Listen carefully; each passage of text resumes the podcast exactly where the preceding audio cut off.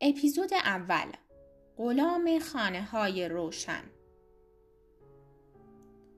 در بهبوهه زندگی آدمیانی که از سر تکرار به دنبال لغمه‌ای به اصطلاح حلال سگدو می‌زنند در گوشه و کنار به ندرت کسانی پیدا می شوند که دقدقه هایی متفاوت دارند.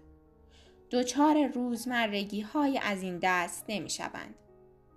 از تکرار گریزانند. از تکرار گریزانند و به دنبال رسیدن به فلسفه زیستن ساعتهای متمادی ممکن است خیره در اقیانوس اندیشه خیش غوطه شوند. در حافظه تاریخی جامعه هستند کسانی که بارقه شدند در بستر زمانه خیش که خوش می درخشند.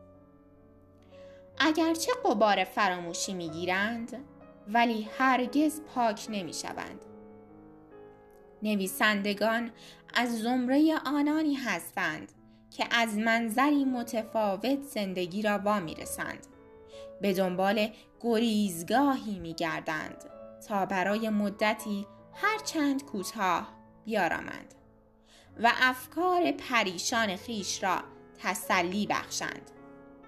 گوتور می شوند در منجلابی که نراه پیشی هست و نراه پس. یا به بنبست خواهند خورد و یا آن را در هم خواهند درید. تا به قول معروف طرحی نو در اندازند.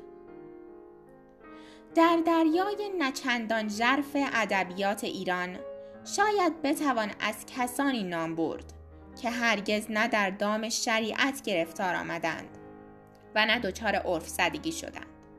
ریسمان اندیشیدن را برگزیدند تا بلکه راهی بیابند یا با همان ریسمان خود را حلقاویز کنند.